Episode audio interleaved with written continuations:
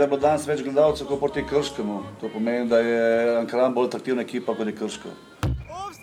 Ljudje igrajo nogomet za gledalcev in mi smo magnet za gledalce. No, jaz licence ne morem komentirati, ker uh, jaz sem delavec, ki dela na igrišču. Nisem v pisarnah, tako na ta odgovor bo samo koga druga vprašati. Mi smo prišli danes v Maribor, da se odprto igramo. Ne na zadnje je zmeraj lepo gostovati v ljudskem vrtu, kajti dejstvo je, da je Maribor nogometno mesto. Mi bomo iskali točke za obstanek v ligi nekje druge. Mi v tem trenutku res, da imamo tekmo več od Triglava, vendar smo na predzadnjem mestu, kar pomeni, da če bi danes eh, sodniki končali prvenstvo, bi igrali kvalifikacijo. Mi na igrišču bomo naredili vse, da ostanemo v ligi, vse ostalo pa, kot sem rekel, mi smo delavci na igrišču, uh, vezan za to, morate vprašati ljudi, ki delajo v pisarnah. Ja, res smo imeli. Prvo priložnost, najbrž je bila tudi 11 metrov, ampak to ni povod, da bi mi kaj iskali. V stračilnici, ko smo se neke stvari dogovorili, tako ko smo prišli na igrišče, smo naredili že spet tretjo napako pri prekinitvah in vse tri gole, prve tri gole smo dobili iz prekinitve, kar je žalostno. Hitro zadetek in povedali tudi dva proti, proti nič, bi človek mislil, da boš tu nasprotnika uh, pokončal, kljub temu, da je bilo še za igra dosti. Njihovim igralcem, uh, desnim krilnim, uh, vrnili v igro, oziroma nam tu povzročali kar nekaj težav. To je bila vsaj v prvem polčasu, v enem delu tekme, nerešljiva uganka, to smo slabo reševali. In uh, zelo hitro mislim, da je bilo tudi vprašanje zmagovalca uh, rešeno. Tako da, tako da sem zadovoljen, valjda sem zadovoljen. Sedem tekem smo zmagali v nizu in imamo dober moment, imamo energijo, katero uspemo potem pretvoriti tudi v kvalitetne predstave. Offside! ko igra Tava, smo malce drugačni. Z Janom, z, z Zahovičem, z Kramo, z, z Hotom imamo, imamo zelo veliko dinamike, z Tavo imamo malce neko drugo specifiko, vendar je tako ambiciozen in ga, če to smo že večkrat rekli, tako zanima gol. Zdaj tega je tudi uh, največkrat zelo visoko na lestvici streljcev. Mislim, da smo danes tekmo ne samo igrali, da smo igrali in do konca izgrali. Na koncu mislim, da nas je tudi nogomet nagradio in da smo zasluženo zmagali. Mi moramo vsako tekmo gledati posebej, ker mislim, da nek pritisk nam ne dobro dene. To se je videlo tudi že prej. In nekako zdaj lažje igramo, ker nismo neki, ne vem kako obremenjeni z obveznim rezultatom. V redu, mislim, da je je bil rezultat tudi pravičen, da nismo nič ukradli in najbolj pomembno je normalno, da so točke. Dober začetek, škoda mi tistih neizkoriščenih priložnosti, ker bi se mogoče tekmo v tem vremenu lahko obrnila v drugo smer.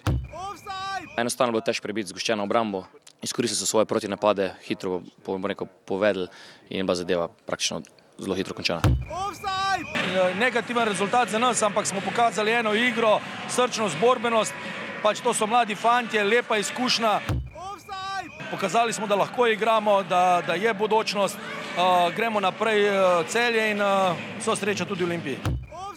Pa prvo vreme smo bili dobri, bili smo motivirani, bili smo živi, žustri i zabili ta dva gola. Mislim da smo malo previše spustili nogu z gasa i onda je to ovako djelo dosta ne baš gledljivo, iskreno. E, dogovorili smo se na polovreme da ćemo pokušati smiriti utakmice da ne bi trošili e, nepotrebnu energiju, da ne bi jurcali gore dole. Pa nije lako, svaka utakmica je u biti kao neko malo finale i vjerujem da, da ni njima nije jednostavno a i tako, ništa, idemo dalje. Prvenstvo ratuje bolj in bolj zanimivo. Danes smo si želeli polnega izkupička. Veseli me to, da smo gledali dobro tekmo z obeh strani, eh, nekaj lepih golov. Eh, seveda bi šla tekma lahko eno in drugo smer, eh, mislim pa, da so fanti danes pokazali odnos do zadnje minute, kar je, točka je za nas tudi dragocena in gremo dalje. Normalno poskušamo z menjavami nekaj spremeniti, dve menjave hkrati. Na srečo lahko rečem to, kad se je to obrestovalo, oba igralca, ki ste prišli do počeste za dela. Mislim, da lahko rečem, da zasluženo se delimo po točko. Drage offsetke, dragi offsetki, ljubitelice in ljubitelji futbola slovenskega, spoštovane, spoštovani, lepo pozdravljeni v 132. offsetu oddaji o futbalu slovenskem. Najprej lepo zdrav spet tukaj v GT2, hvala, da nas gostijo tukaj, žigi kosu, žiga zdravo. Zdravo. Danes ne en trkal, gor po vratih, pa da moraš iti poštengah dol, ne? Ne, samo mislim, da se ne, mogoče bo kaj gradili okoli GT2. Ja, samo si dober, da, da znaš razmišljati o um, o uh, nogometu, o aluminiju, ko hodiš v Beogradu po štengah dol. Ne? Ja, aluminij je zelo zanimiv klub. Je, je, je pa zelo zanimiva, seveda, borba uh, za naslov in pa za obstanek. Čeprav imamo seveda zadnja vest, ki je seveda iz prejšnjega tedna, da je devet klubov dobilo licenco za prihodno sezono. Pa tudi devet klubov za Evropo. Za Evropo. Uh, Ankaran uh, se je pritožil, več ste lahko slišali, seveda, uvodoma od Alfreda Jermaniša, švitska, vrhunski. Uh, o tem bomo tudi rekli, seveda, ko pridemo do tega, ampak najbolj seveda je pa aktualno, uh, da se je menjavalo malo vodstvo, uh, ne po krogih, toliko kot uh, seveda po. Um, Uh, ker Marijo igra pred Olimpijo, kot uh, je spraševal in dobil odgovor na že Bašel, čeprav jesen je bil razlog temu, seveda, evropski uh, uh, dosežek Maribora in Liga Prvaka, ampak zdaj Olimpija spet točko pred Mariborom. Ne? Ja, Zaenkrat so še točko spredaj. Zaenkrat so še točko spredaj, absolutno vidimo. Uh, Žiga je pripravil tudi pregled tega, koliko osvojenih možnih točk uh, so osvojili posamezni prvaki. Vam bo o tem več povedal proti koncu. Da, imamo krasnega gosta, uh, Leon Črnčič iz Enka Rudar Velenje. Hvala, Gregi, da smo ga dobili. Žiga je izbrskal, kar potem impozantno, ko vidiš, kdo ga je vse treniral. Ne? Ja, čeprav je bil še konte takrat na začetku svoje trenerske poti. Ampak... Pa tudi črnčič, ne, ne na zadnje. Ampak, ja, ampak kar se pogleda. Kje je zdaj kontek, ki je pa črnčič? No, pa vseeno, ampak se bori, rudar, čeprav rudar je v kar precejšnji krizi, štiri zaporedni porazi. Uh, zdaj se prav ugiba, kdo bo četrti, išče se četrti klub za Evropo. Celo aluminij. Aluminij opozarja na se, gledaj, pokal, vseeno, ena tekma. Čeprav smo bili tudi v Kidričevem, prosim, živi. Žiga ne ime tega pogleda.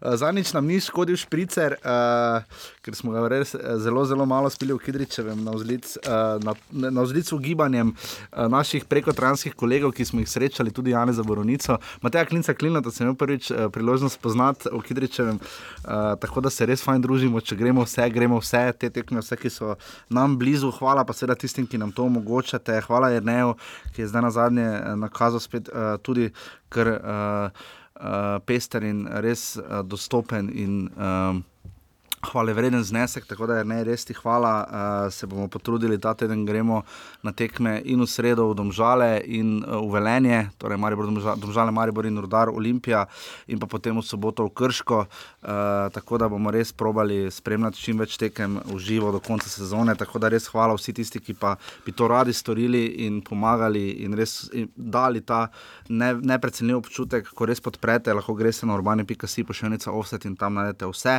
Sicer pa je za vse uh, sodniške zadeve, sem pa je ponovno delegiran jaz, za vse ostale pa seveda pišite žigi. Uh, in uh, hvala res GT2 in hvala vsem, ki to podpirate. Uh, zdaj, ta teden je rekla sva, da bomo videli, če, če, bo, če boste pokazali dovolj velik interes, pišite žigi kosu. Ali pa jaši. Ali pa meni uh, za četrtkovo oddajo bomo videli, kako se bo obneslo, če bi, vas, če bi vas to zanimalo, ampak so še v četrtek tekme, zdaj petek delati offside je že kar precej pozno. Četrtek, samo glavna dva igrata v sredo. Ja, ampak tudi četrtkove tekme niso tako nezanemarljive, zdaj res vse odloča. Tudi ne na zadnje NZS je verjetno v interesu, da tri glavni deseti. Uh, pa mislim, da so že z odločitvami v prejšnjih sezonah pokazali, da njim vseeno, kdo je kateri. no, v vsakem primeru to je to, vidiš, ko, ko smo živo, kak je fajn. Ne? Sploh ko se jim kratkih plača. No, uh, tako da, ja, nič, gremo zdaj združili. bomo seveda 31 in 30 krok, uh, ki sta potekala prejšnji eh, teden, prvomajski vikend in pa seveda uh, minuli konec tedna. Uh, potem boste poslušali seveda tudi Leona. Žiga, je to eno bolj zanimivih prvenstev? Trenutno kaže, da bo. Trenutno kaže, da bo in bomo pogledali tudi zakaj.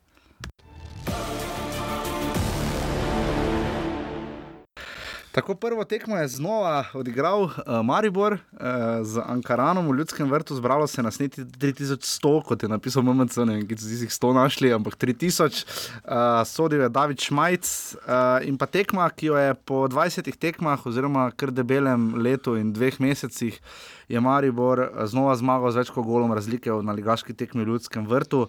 Čeprav je vmes že kazalo med polčasom, uh, ne da se to ne bo zgodilo, ampak vsekakor je Maribor moral se kar pošteno potruditi, oziroma je moral tekmo vzeti kar precej in prekleto za res, da je na koncu strl Ankaran. Uh, žiga. Um, Da, se najprej fokusirati na Maribor, tokrat kar direktno vodoma.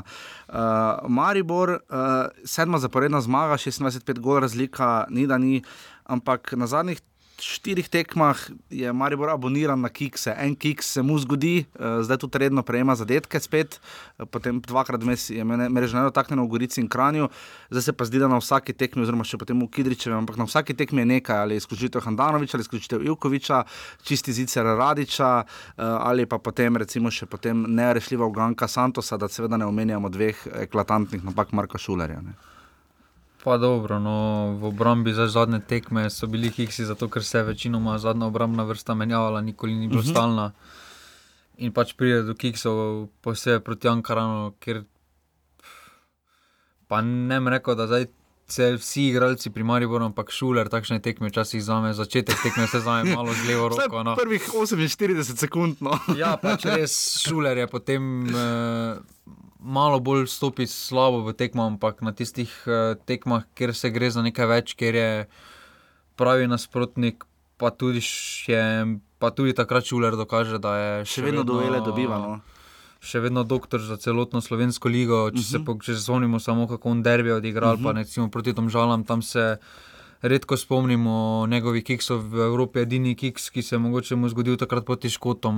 Eh, Recimo, ko je za 11 metrov, ko je bilo drugače, pa takšne tekme on oddela na višjem nivoju in proti Ankaranu si takšen kiks v narekovajih lahko privoščiš, ker vseeno je kvaliteta več kot očitna no, na strani Maribora. Omenil sem ravno to zato, žiga, ker je glavna ključna prednost Maribora, zdi se, recimo, zadnjič proti Triglavu, ne, eh, pa tudi eh, zdaj v Velenju, recimo tam je res Mitja Viler si jajno rešil tisti eh, strela Radiča v Velenju, da Maribor te napake, ki se jim zgodijo, Milanič jim je rekel, zadnjič napakice, ki pa prirastejo v kaj več jih to poveže, ne škodijo jim. Če se spomnimo začetka pomladi, Maribor takih napak prvič dobivajo gole in drugič zelo težko jih je nadoknadil. Zdaj jih pa to poveže, spredaj, uh, znajo najtrešitev. Videli smo, ni bilo mlakarja, vstopil Tavares in, in, in krp naenkrat prišel na, je zdaj šef spet lesice streljcev. Kako ti vidiš ta del Maribora, to ekipnost, to, da tudi če gre kaj narobe, potem kljub to ekipa potem to absolutno popravi na igrišču. Pa dobro, to že več let ponavljamo, da Maribor ima. Nima tako istopajočih posameznikov, kot ima ekipa, res istopajoča. Uh -huh. In uh, sedaj se pač pozna to, da če se zdaj stori napaka, da ponavadi napadalec ali Luka Zahovič ali Tavares ali Mlakar tisto eno priložnost, v katero pridejo, izkoristijo, medtem ko na začetku prvenstva se tega ni izkoriščalo in uh, se je potem nabrala nervoza v vseh segmentih igre. Uh, zadaj se je pojavila napaka, tako kot tu, ampak eh, so bile bolj kaznovane, ker spredaj se ni. Marijo Vrsi je tudi v začetku spomladanskega dela ustvarjal priložnosti, ampak uh, niso bili pri strelu. Pri strelu ja, ja to, ampak, to res ni problem pri Marijo. Zanimivo zdaj je, da jim res grejo prekinitve. Ne? Prvi tri goli. Se vidi, da je više, više efektno. Je ker... efektno. Je efekt njegov, definitivno. Čeprav Ivkovič je odbil proti po... Ankaranu, niso bili predložki najboljši. Ne, niso, niso bili. bili posebej tisto, tiste krajše kombinacije s kramaričem, to ima ta čist grešeno, to lahko opustite. Uh, ampak uh, ja, sploh, ima res dober. No. Sploh če se ti mudi ob, uh, ob. Tam ne vem, kaj sta razmišljala. ob koncu prvega polčasa uh, vidimo, da je Derviš več udeležen ali na koncu prvega polčasa, ali pa najbolj eklatantni kot iz polovice zrihta. Ampak prvi zadetek v sedmi minuti, potem po tisti napaki, ko Nkama ni kaznoval napake Šulerja, je zadev Jukovič od blizu uh, po odbitku. Uh, tam je Bužane, sicer je imel relativno dobro tekmo. Pač zelo dobro tekmo. Edini minus je, da je dobil pet golov. uh, Hotič je potem uh, zabil z glavo. Ne? Uh, roba ne, z roba Kazenskega. pardon, z, roba kazenskega, po, tudi prav tako odbitku. Uh, potem je pa Santos znižal. Uh, za Santos sem imel Viler hude težave, Milanič je šel na tiskovni konferenci tako daleč, kot ste lahko slišali v vodu, da, ni, da je bil nerešljiva uganka ne, in to je absolutno bil v prvem času za Mitijo Vilerja. Darko Milanič je to pretekmo že povdaril, da Ankaran bo sedaj te zadnja kola odigral, predvsem na račun motivacije, da se bodo ti igralci provali prodati naprej. In, uh, Santos je mogoče s to tekmo Si zagotovil to. zagotovil za naslednjo sezono nekateri, mogoče kateri klub, eh, ker vseeno tekme proti Mariboru, Olimpiji, Domžalam, recimo, so v očeh oglednikov vredne veliko več. In Mhm. če se na takšnih tekmah izkažeš, eh, imaš boljša pogalska izhodišča za drugo sezono. In uh, tukaj, predvsem tujci, mi, mislim, da imajo motivacijo več, uh, Mhm. ker več ali manj je vsem jasno, da Ankaran drugo leto ne bo prisoten pri Ligi. No. No, zdaj, Milanič je bil tudi kritič- kritičen do Vilerja, predvsem zato, ker je zelo hitro in z zelo spet enim zelo ostrim štartom, tako na začetku tekme. Ko Ko ni za to bilo takšne potrebe, oziroma je precej nerazumno, dobil rumeni karton in se mu je to potem poznalo. To je Milanič izpostavil in to je Santos znal izkoristiti. Ne? Pa Viler, oziroma celotni obrambi se to zgodi, da ko so malo živčni na začetku mm. -hmm. tekme, vseeno je Ankaran imel tisto priložnost, potem je dal gol. Neke priložnosti so se ustvarjali in so kar živčno reagirali, ko je Ankaran prišel ne vem, 30-40 metrov od gola, mm. -hmm. so probali hitro dobiti žogo, da bi čim hitreje rešili tekmo, ampak tam je Viler zamudil v štart in mm. uh, sodniku ni prestal dobro, ki je dobro sodil, razen tam, da je penal spregledal. No, tam Zdaj, tam res- nedvoumnega posnetka res ni, da bi res videli, da ga je Šuler za, nesto, torej za tisto za desno nogo uh, potegnil Santosa. Meni se je zdelo popolnoma, da je bila 11 metrov, ampak nedvoumnega posnetka žal ni. Uh, ne bomo branili Šmajca, ampak tako kot je bilo videti, je bil pa eklatantno čisti. Ne, penal, samo glede na to, da je Šmajc to sodil drugo tekmo v prvi ligi, mm. -hmm. oziroma prvo v ljudskem vrtu. Eh, Kriterij v sami igri je bil zelo dober. No. Ja, To moram imel je- da je imel enak kriterij mm -hmm. za Mhm. ene in druge, pustil je.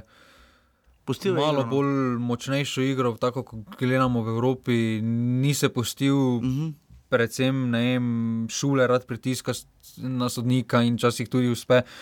Ni se pustil in. Uh, Dobro codo, no. Krajski, kar dobro so. No. Krajinski bazen se je razširil. Seminarji delujejo. Seminarji delujejo, kot kaže. Pa Šmajc je res blizu, blizu Brda doma. Po mojem, ima šotor eh, postavljen tam na trening centru. da ima tam registrirano.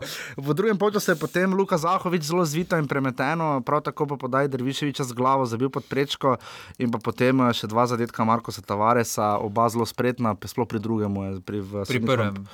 Ja, ampak pri drugem je zelo lepo Luka Zahovič. Jaz ampak pri podal, ne. prvem bil res spreten. No. Ja, tako da tu se je res Maribor znašel. eh, se Je še- pa to kvaliteta več za Maribora. No? Uh Mhm. -huh. Ker če se spomnimo Maribora izpred jeseni, oziroma iz pred začetka Milaničeve ere, Maribor pri 2 proti 1 v polčasu ponovadi ni iskal tretjega, Ja. četrtega ja. zadetka, sedaj so tudi pri 4-1 iskali tisti peti zadetek in uh, s tem so sedaj že si konkretno popravili gol razliko s, temi zadnjimi koli. Mm -hmm. in, uh, če bo na, večina ljudi bo na račun mogoče celo naslova lažje spremljala takšne igre, kot Mhm. pa. Ker vseeno se vidi, da se je vrnila tista pozitivna energija v ljudski vrt, eh, da, niso več, da, pa da se ne čuti več takšnega pritiska, predvsem na račun, ne vem, ko nekdo zgreši, recimo Kramarič ali Hotič pri kakšnih podajah, da več ni tistega negodovanja, ampak eh, vseeno neka pozitiva, ker se vidi, da se trudijo eh, in prikazujejo dobre igre. No. Ja, Maribor je med tednom seveda zmagal v Velenju, zadela sta Tavares dva zadetka in pa potem še Zahovič za ena Velenje je imel Hotič, eh, Hotič seminar, kako ne, ne kako ne odigrati. kako kontre. ne odigrati kontre, ko je res, uh, kot da bi na hokeju nekdo nekomu podal, da bo zadaj dvakrat. Ja. Uh, Maribor si je tam malo otežil, spet življenje, kar precej, to si zdaj Tam je bilo počne. 3 na 1, potem pa so oni imeli, pa je Handanovič mogel nesti eh, z glavo. Z, z, tam je res bilo že kar napeto. Radiću no. se meni zdi, no. Radiću, ja, pa Radić je imel tam eno sijajno priložnost, potem ko je eklatantno žogo izgubil uh, Aleksandr Rajčevič. Maribor se je tam tudi znal izvleči iz uh, kakršne koli težav, oziroma nekako tudi, če pride težava, zna dobro reagirati. Žiga beseda ali dve še o Ankaranu. Uh, Ankaranu zdaj trenutno uh, res ne gre, uh, potem ko so nekaj časa kar dobro, uh, dobre predstave kazali, ne na zadnje dvakrat premagali prav rudar, ne s 3 proti 2, uh, med tednom so izgubili gladko 4 proti nič uh, proti domžalam. Uh, res zelo, zelo gladko in potem zdaj še v ljudskem vrtu. Ne? Ampak oni so prepričani, da se bodo na igrišču izborili to svoje mesto. Zdaj ekipo na nek način imajo. Na igrišču si bodo izborili. Samo... Na igrišču misliš, da si bodo, da ne bodo deseti? Ne bodo deseti. Si prepričan, jaz mislim, da tri glav z nas tisni. Ne bodo deseti. Definitivno ne bodo deseti. Si ti... Če si celo leto govoril, da bo gladko zadnji. ja, zadnji tega nisem prepričali. So te. Pač, Vseeno, kakšne nametane ekipa skupaj, no, neko kvaliteto imajo tu sedaj. Proti Mariboru je treba povedati, da so od petih zadetkov tri dobili iz prekinitev, kar je za eno tekmo kar čudno. Ja. In uh, tu se je poznalo, da niso imeli pahora, no, ki je vseeno stever te obrambe, pa bi pri teh prekinitvah malo boljše reagiral. Ampak ti tujci so vseeno napram tri glave, so neka dodatna, dodana vrednost. Mm -hmm. in, uh, Mislim, da v teh preostalih petih tekmah eh, bodo ohranili ti dve točki prednosti. No. Uh -huh, Ker vseeno doma na primorskem igrajo. No, to je res in pa mislim, da bomo pogledali, ampak mislim, da v tem tri krožnem, če bi dali samo pogledali tekme Aluminija, Ankarana in Triglava, mislim, da je Ankaran celo mogoče najboljši. Uh, vse na zadnje so remizirali tako s Triglavani kot z Kidričani. Tako da je Maribor, Ankaran pred 3000 gledalci, 5 proti 1. Tako, druga tekma 31. kroga je bila prav tako odigrana še v soboto. Krško in Rudar sta se kar pošteno uh, soočila na Gubcu. Uh, ena proti nič, uh, te zmaga, ki so bili krščani res, res, res izjemno veseli, potem ko so med tednom uh, izgubili v Kranju. Uh, pred sveda, praznimi tribunami, uh, tekma, ki je Alenu Šulcu verjetno vrnila malo vere v to, da se fanti ne bodo rabili, uh, ne bo, ne, da jim ne bo treba trepetati za slučajno deveto mesto, zdaj so pa že res uh, kar pošteno oddaljeni od njega in uh, so se s to zmago zdaj dokončno odlepili. Mislim, še rabijo tri točke, da si si zagotovijo. Ampak... Tako da to je zabili, res tri točke, ki so jih po dolgem času iskali. Uh, v sredo se lahko že zagotovijo, no? ja. ker igrajo proti Ankaranu. Ja, tako da bomo to videli. Uh, ampak zanimivo je, da se malo še pri, kršku, pri krškem ustaviti. Uh, menjava ščulac malo tudi uh, svojo postavo, zanimivo pa je. Uh, da je rudar na tej tekmi načeloma dalj časa držal, bolj v bistvu ton je bil na njihovi strani, tudi težišče igre je bilo na njihovi strani, posebej žoga je bila na njihovi strani. Uh, več, nekoliko več strelov, bolj aktivni, več aktivnosti, ampak na koncu je krško zmagalo. Ne? Ja, rudar se je spet uh, odločil za menjavo vratarja. No? Tukaj uh -huh. pridigar ni dobil, ampak. Uh, Rudar mi trenutno v zadnjih krogih deluje, da jim ritem prišel preveč uh, do živega in mogoče tudi malo, da si ne želijo te Evrope. No? Ker vseeno Evropa je za takšne klube kot je Rudar. Uh, če dobiš neko gostovanje na Islandijo, recimo, je večji strošek kot pa kaj drugega, no? ker -huh. doma ne bodo nekaj napolnili tribun, uh, potem pa. S tistim v prvih predkrogih res dobiš malo za ODF-e. No, in se mogoče klubu, kot je Rudar, se trenutno ne splača iti v to Evropo na silo, ker vseeno. Pa z trenutno formo si niti tega ne zaslužijo. No, ja, do Rudar je zdaj res kar precejšnji krizi, kmalo bo o tem več povedal Leon Črnčič. Rudar ima štiri zaporedne poraze, ne?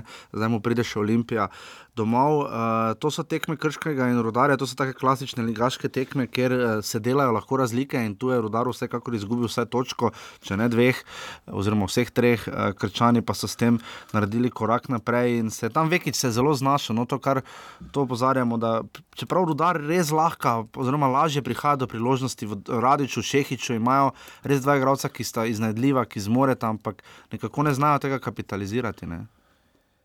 Pa v roku 36 kol v Ligi bo vsaka ekipa prejšla zapadla v neko manjšo krizo. No, zdaj je rudar na vrsti. Zdaj je rudar, če bi tistih, če odštejemo 27 kol, je delal v bistvu. Za več kot pozitivno oceno, ja, za bistvu na predsezono, ko smo rekli, da, bodo, da se lahko utegne celo boriti za obstanek. Ja, ne? sedaj pa so zapadli v to krizo in hvala Bogu, da so v tistih 27 krogih naredili toliko dobrega, da so si svoj osnovni cilj zagotovili, no, to je sredina uh -huh. lestvice, mirno plujejo in, in je to neka lepa plošča, na kateri lahko gradijo za naslednjo sezono, ker vseeno če bodo delali dolgoročno z Pušnikom, mislim, da lahko nekaj dosežejo, predvsem ker je ta ekipa zelo mlada. No. Ja, In če jih kar nekaj ostane, recimo, če uspejo zadržati neko jedro, bo rudar naslednjo sezono zelo zanimiv eh, za borbo z, za top 4, no, ker vseeno letos pa si glede na Prehodna sezona je. Ne? predstave in mm. vse to, kar je bilo pred sezono, kaj se je dogajalo, je trenutno mesto Rudara več kot pozitivno presenečenje. In če se pogleda tudi njihov neposredni konkurent celje, zato če to mesto ima Še Rudar Gorica vseeno pomembna. eno zmago več, no, od obeh mm -hmm. ima 13 zmag. In, mm. -hmm. Tukaj edino se pozna ta neizkušenost moštva, ker na takšnih tekmah, kot je recimo proti Krškemu, mogoče včasih boljše vzeti kako točko, kot pa napadati potem vse tri in brez izgubiti ja. brez vsega. No, in Mm. mm. to se pravi, iz takšnih tekem lahko rudar eh, nauči. In mislim, da se bodo tekom cele sezone se bodo naučili, ker vseeno je. Za večino mlajših igralcev je to neka prva resna sezona v takšni Mhm. vlogi, kot so. No. Ker če ja. se pogleda en pušaver, je bil pred sezono resno pač niti ni bil prva izbira v top petih klubih, ne je bil za desnega bočnega. Mm. No, Mhm. sedaj pa se je res naredil, pa je top 3 asistent recimo lige in uh, pa tudi v Kliševič recimo se je prodal v ja. tujino in tako naprej. In rudar s takšnim delom. Bo prej slej postal neka mamljiva opcija za te mlade igralce, ki Mhm. v Mariboru, Olimpiji, Domžalah ne dobijo priložnosti in se bodo prišli Velenje, v bistvu prodatno. Ja, na zadnje boste potem slišali Ivan Firer, uh, Brajko Rotman, uh, John Mary, ne na zadnje, ne. Uh, tudi Partif Williams, recimo Radi Čehič, ti igralci opozarjajo na se, vsekakor v Velenju. Uh, z Marjanom Pušnikom, ko sem zadnjič govoril v Velenju, je rekel, da pač tudi malo se jim klop pozna, da nimajo tako širokega kadra, da morajo to krpati tudi s kakšnim mladincem ali dvema. Uh, žiga, pred nama besedo Leona Črnečiču, um, kaj pričakovati zdaj od Krškega? Ne? To je zdaj ekipa, ki nima praktično ničesar za izgubiti, sodeluje v ligi, uh, više ne morejo, niže, prav tako teže, kvečemu lahko padejo za eno mesto, da bi jih kvečemu aluminij prehitev. Kaj lahko pričakujemo od Krškega? Ne? Mislim, da igrata tako še Maribor in Olimpija z njim. Ne? Pa vseeno mislim, da Krško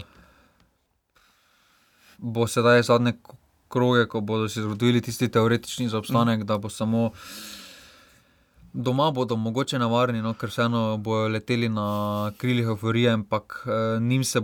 Njim se pozna ta ritem, eh, sreda sobota, ker tudi oni nimajo klopi. In, eh, Pa njim so tekme odpadale in zdaj že igrajo res ritem sreda sobota, že od sredi ja, aprila. In, ne. uh, en mujan, recimo, če na začetku sezone do, do, ne vem, do polovice prvenstva v bistvu bil med top 11 igralci, skoraj da Zdaj se je pa na precej asistent lige, izgubil, ja. sedaj pa ga spro- praktično več ni na igrišču. En škrbič na, na začetku bil, dosegel je jeseni 10 ali 11 zadetkov, sedaj je zadev enega. In to tudi oni so neizkušeni in uh, bodo tudi psihološko, bodo, ko bodo dosegli tisti cilj, bodo vseeno padli, se bodo sprostili malo in bo mogoče šlo malo lažje, čeprav proti tekmecem, ki jim gre za nekaj več, recimo Maribor Olimpija, ne bodo imeli nekih možnosti, no, v mojih očeh, ker Ja. Trenutno se tem ekipam uh, pozna ta ritem, sreda sobota, že domžalam se pozna, kaj šele Ja. enem, uh, enemu Krškemu, krškemu, rodarju in tako naprej. Tako da tukaj ta ritem je res ni naklonjen. no. Vidimo, da so za Krajšek in Sokler, recimo, sta dobila priložnost zdaj proti uh, Rudarju, torej Krško rudar ena proti nič, zdaj pa bo brcal naš gost, desetica uh, velenskega rudarja, Leon Črnčič. Jer ja, jer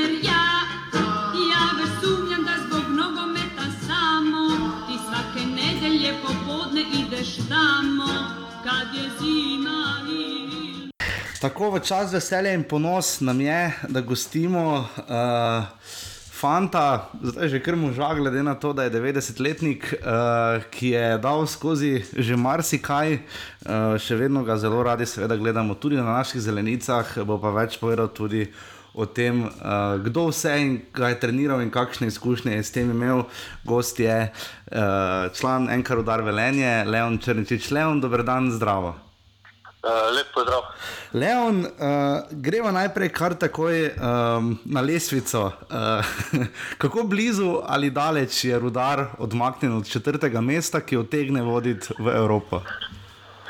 Pa trenutno vidimo, da nam ni šlo v zadnjih krogih vse po planu, tako da tudi do četrtega mesta tukaj za četrto mesto bo zgleda velik boj, kajti uh -huh. sedaj še, še vključi, vključila Gorica. Uh -huh. Uh, ne vem, mi moramo zadnjih pet tekem razmišljati o sebi, ne smemo si delati prevelikega pritiska s tem četrtim mestom, moramo iti tekmo po tekmo in upajmo, da osvojimo. Uh -huh. Zadnjič, na koncu. Zadnjič v sredo mi je razlagal Marjan Pušnik po tekmi z Mariborom, uh, kjer ste tudi imeli znova priložnosti, podobno kot zdaj v Krškem, ko vam v delu tekme vam gre res dobro, pa se potem primerijo te napake. On to pripisuje mor- morda krajši klopi, tudi vi ste bili vmes odsotni, uh, kar nekaj poškodb, uh, tu pa tam kakšna kazen in je rekel, da, da je to tisto, kar se glavno pozna. Vi ste zdaj dovolj časa že tudi v Velenju. Uh, kaj, kaj, kaj je glavna moč, recimo, kaj je prednost rudarja, glede na izkušnje, recimo v primerjavi ravno z prej omenjenima celjem in Gorico?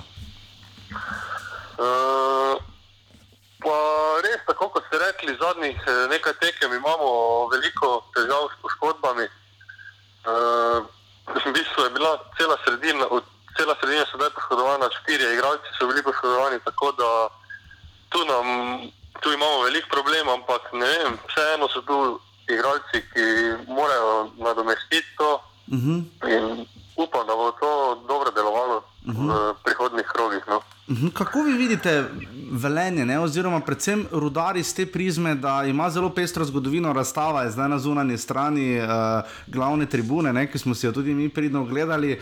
Uh, tudi vi morate imeti počasi že svoje mesto tam, ne ste šesti, kot je moj sovoditelj Žiga napisal, po številu nastopov, ne 170 nastopov imate, recimo že za Ja. rudar. Kako, kako ga vi doživljate ta klub? Po eni strani ni toliko pritiska, recimo, kot morda v drugih klubih. Ne?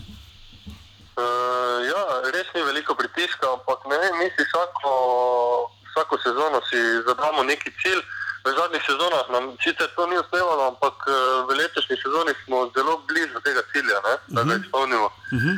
Uh, ne vem, uh, jaz se tu zelo dobro počutim v Velenju, uh -huh. pač v, v vseh sezonah sem pač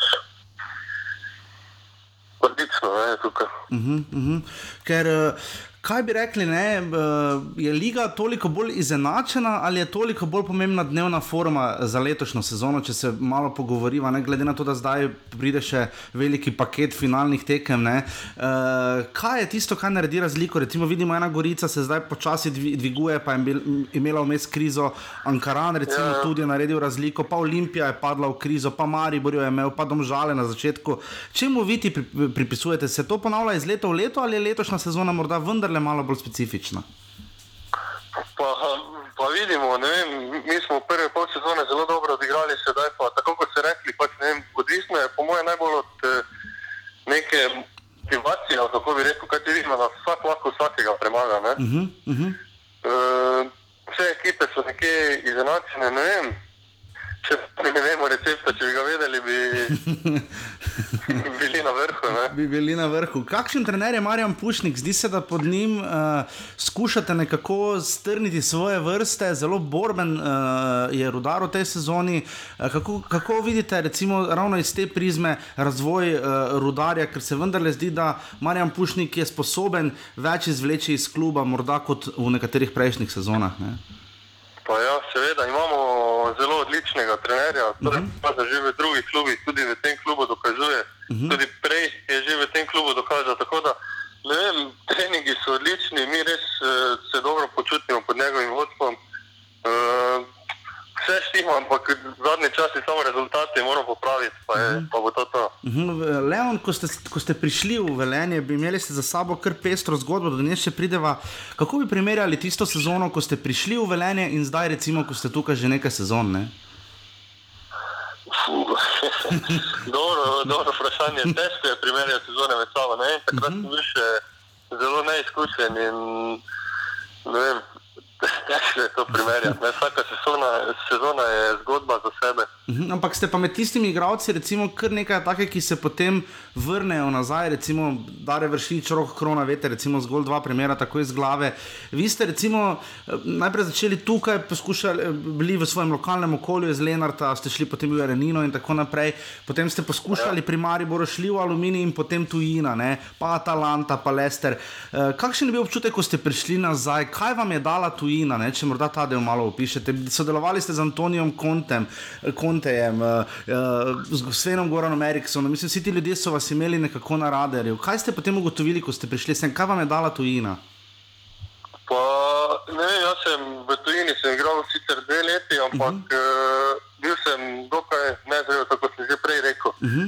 uh, dobil sem neke izkušnje, ampak ne jaz sem prvo leto v Italiji sem se naigral, tam uh -huh. sem igral za primarno. Uh -huh. Uh, na to v Lestru pa nisem dobil neke priložnosti, eh, sedel sem na klopi parkrat, eh, tre- ni- treniral sem sicer s prvo ekipo, ampak vseeno ni to to, ko si mlad, moraš igrati in Uh -huh. mene, mene je to najbolj pač, kako rečem, žrlo, da, da nisem igral in zato sem se tudi vrnil v Slovenijo, kjer sem si počasi izboril mesto. In Kol, koliko vam je tu Leon dala, recimo, uh, predvsem takrat mlada reprezentanca, ne? bili ste na Evropskem prvenstvu, pa potem recimo 14 nastopov za U21 reprezentanco in en gol. Uh, koliko takrat da, ker vidimo kar nekaj teh primerov nogometašov, ko delamo intervjuje, ki ste zdaj tu približno vaš letnik, jim je recimo takrat veliko pomagala tudi uh, mlada reprezentanca. Kaj je dala vam? Ja, seveda, jaz sem zaradi, ravno zaradi mlade reprezentance sem odšel takrat v tujino, ker smo mi takrat igrali na Evropskem prvenstvu v 19 v Ukrajini. Uh -huh. In eh, ravno takrat sem potem stopil v stik z uh, menedžerom Amirjem Ružničem, ki mi je tudi pomagal Mhm. v uh, karieri. Ne? Uh -huh. Mhm, In zdaj, ko zdaj pogledate nazaj, bi se še enkrat isto odločili, oziroma če vas morda kakšni mlajši nogometaši, ki jih je v Sloveniji manjka, jih ne, uh, absolutno, kaj bi jim svetovali, oziroma kaj, kaj ste se vi naučili iz te, iz te izkušnje, ne? ker zdaj pa ste stabilen član rodarja. Ne?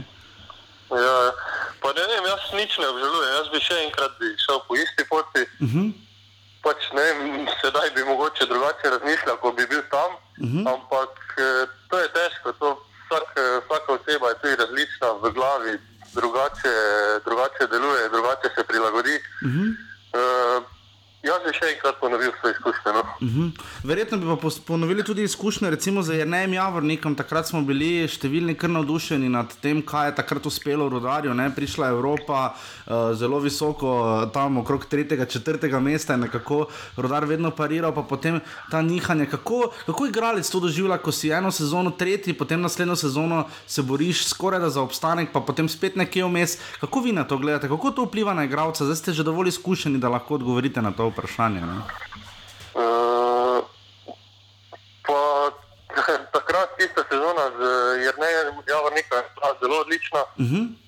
Uh, imeli smo res dobro klimo, dobro ekipo, uvrstili smo se v Evropo, Uh -huh. vse, vse je klapalo, ampak ne vem, potem pride malo slabša sezona. Videli ste uh, letos na začetku, naprimer, Domžale, Uh -huh. ko so, ko so v Evropi igrali, pa jim od začetka ni šlo, sedaj pa spet, uh, ne vem, so se dvignili. Ne? Mhm. Ja, Kako ste videli, recimo, ta del, da se je dalo tudi iz velenja priti do reprezentance? Ne?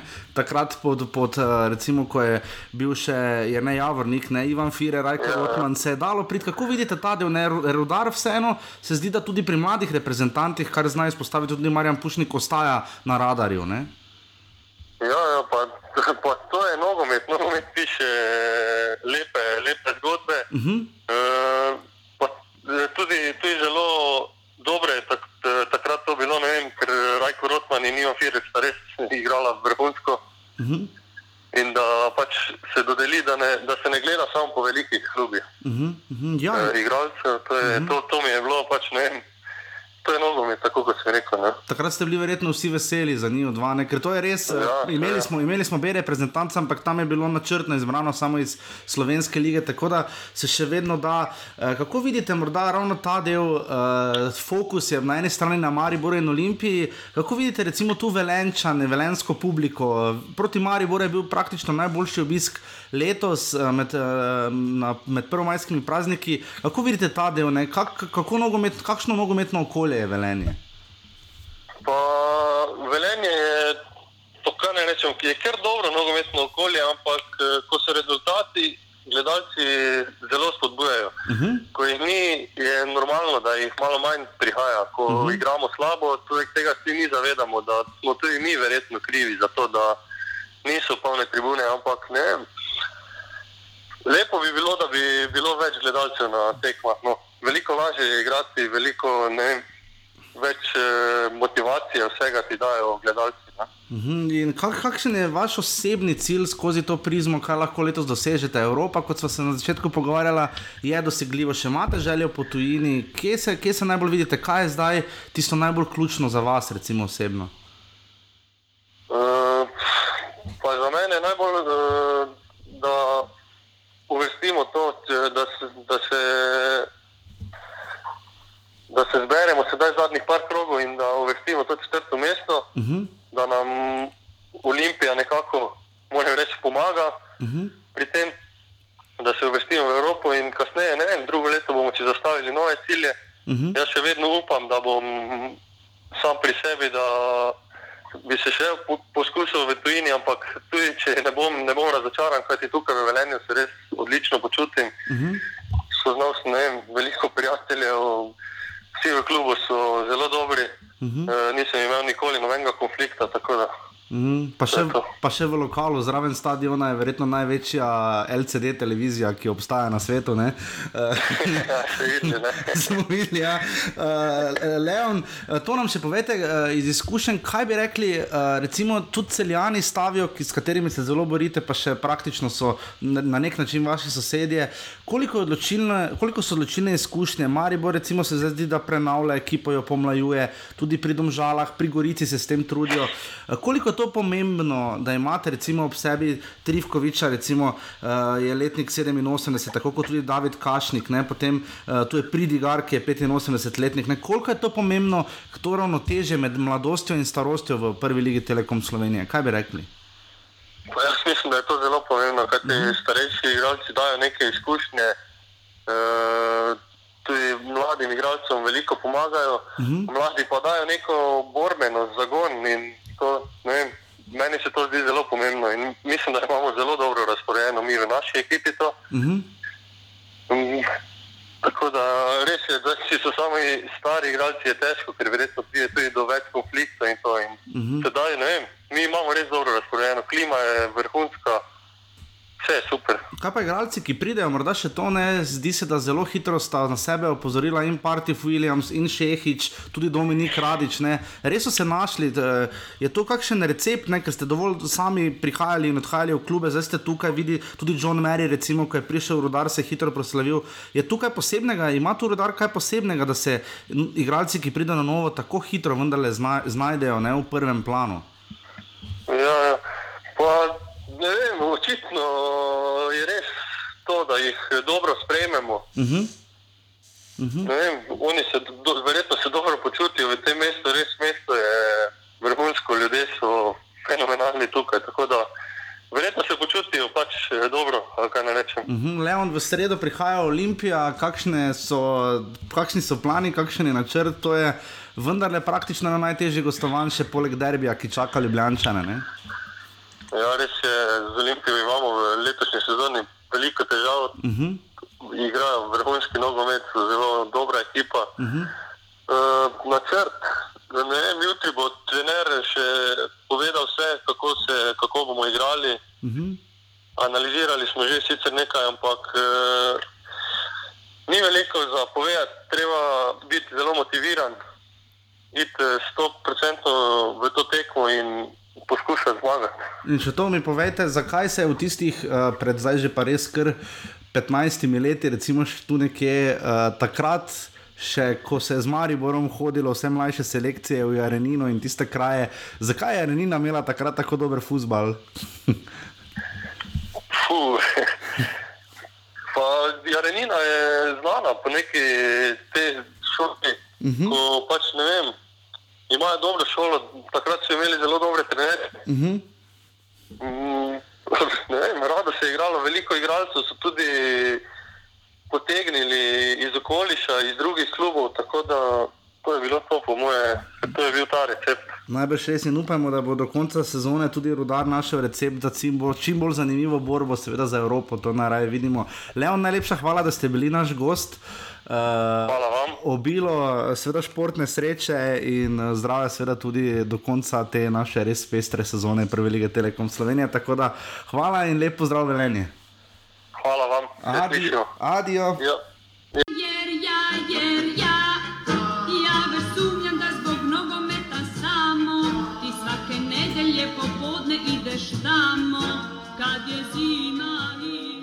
Tako, hvala Leonu in hvala seveda Gregi Gradišniku iz, iz Velenskega rudarja. Uh, splača se vam Velenje obiskati, poleg prej omenjene največje televizije na svetu, ki jo imajo tam, uh, se vam splača še pogledati Velenje, tudi zdaj imajo res fajn razstavo zunaj na stadionu, se res, zdaj so tudi praznovali obletnico osvojitve pokala. Ne? Um, mislim, da so poleg Triglava največkrat osvojili tudi drugo ligo, uh, res pestra zgodovina, res lepa razstava. Uh, pa tudi uh, fajn osebje imajo tam, uh, se kar splača iti pogledati uh, in doživeti velenje v, v, v polnem sijaju. Ne na zadnje v sredo pride tja Olimpija, kjer je seveda uh, osvojila svoj naslov. Mimo grede, uh, Slavko Jarič je odgovoril iz športnega SOS-a na naše vprašanje, ne, uh, kje so se odločala prvenstva in uh, Uh, v Velenju se je odločilo kar trikrat prvenstvo, ne? zanimivo na stadionu v Jezeru, v Ljudskem vrtu 11krat, za Bežigradom pa štirikrat, zanimivo, da še niti enkrat niso prišli na vrsto stožice. Um, Res zanimivo, ja. V tako dolgi zgodovini No, ampak Olimpije. vseeno, ne, ja, no, ampak vse za Olimpijo igra že v stožicah, zdaj pa že res. Pa so bili enkrat prvaki, od, odkar so stožice. Ja, no, ampak lahko bi bil tudi kakorkoli. Uh, gremo naprej skozi droboje 31. in 30. kroga. Uh, ja, če bi radi koga predlagali za gosta ali imate kakšne želje, naj na, seveda prosim kontaktirajte. Gorica Domžale sta se pomerila v prezgodnjem terminu. Uh, bilo je- Zelo dober termin. Res, Zelo mislim, da je bilo dober. 27 ali celo 28 stopinj v Novi Gorici, uh, to je že res precej. Uh, pustimo zdaj, da je pač globalno segrevanje naredilo svoje, ampak uh, to so res prezgodni termini. Um, Zakaj mi se zgodujemo po angližih? Ja, ker Angliži igrajo polenih že. Pa tam je tudi toplo, trenutno 28 stopinj, mislim, da bilo, bo v Londonu ta vikend.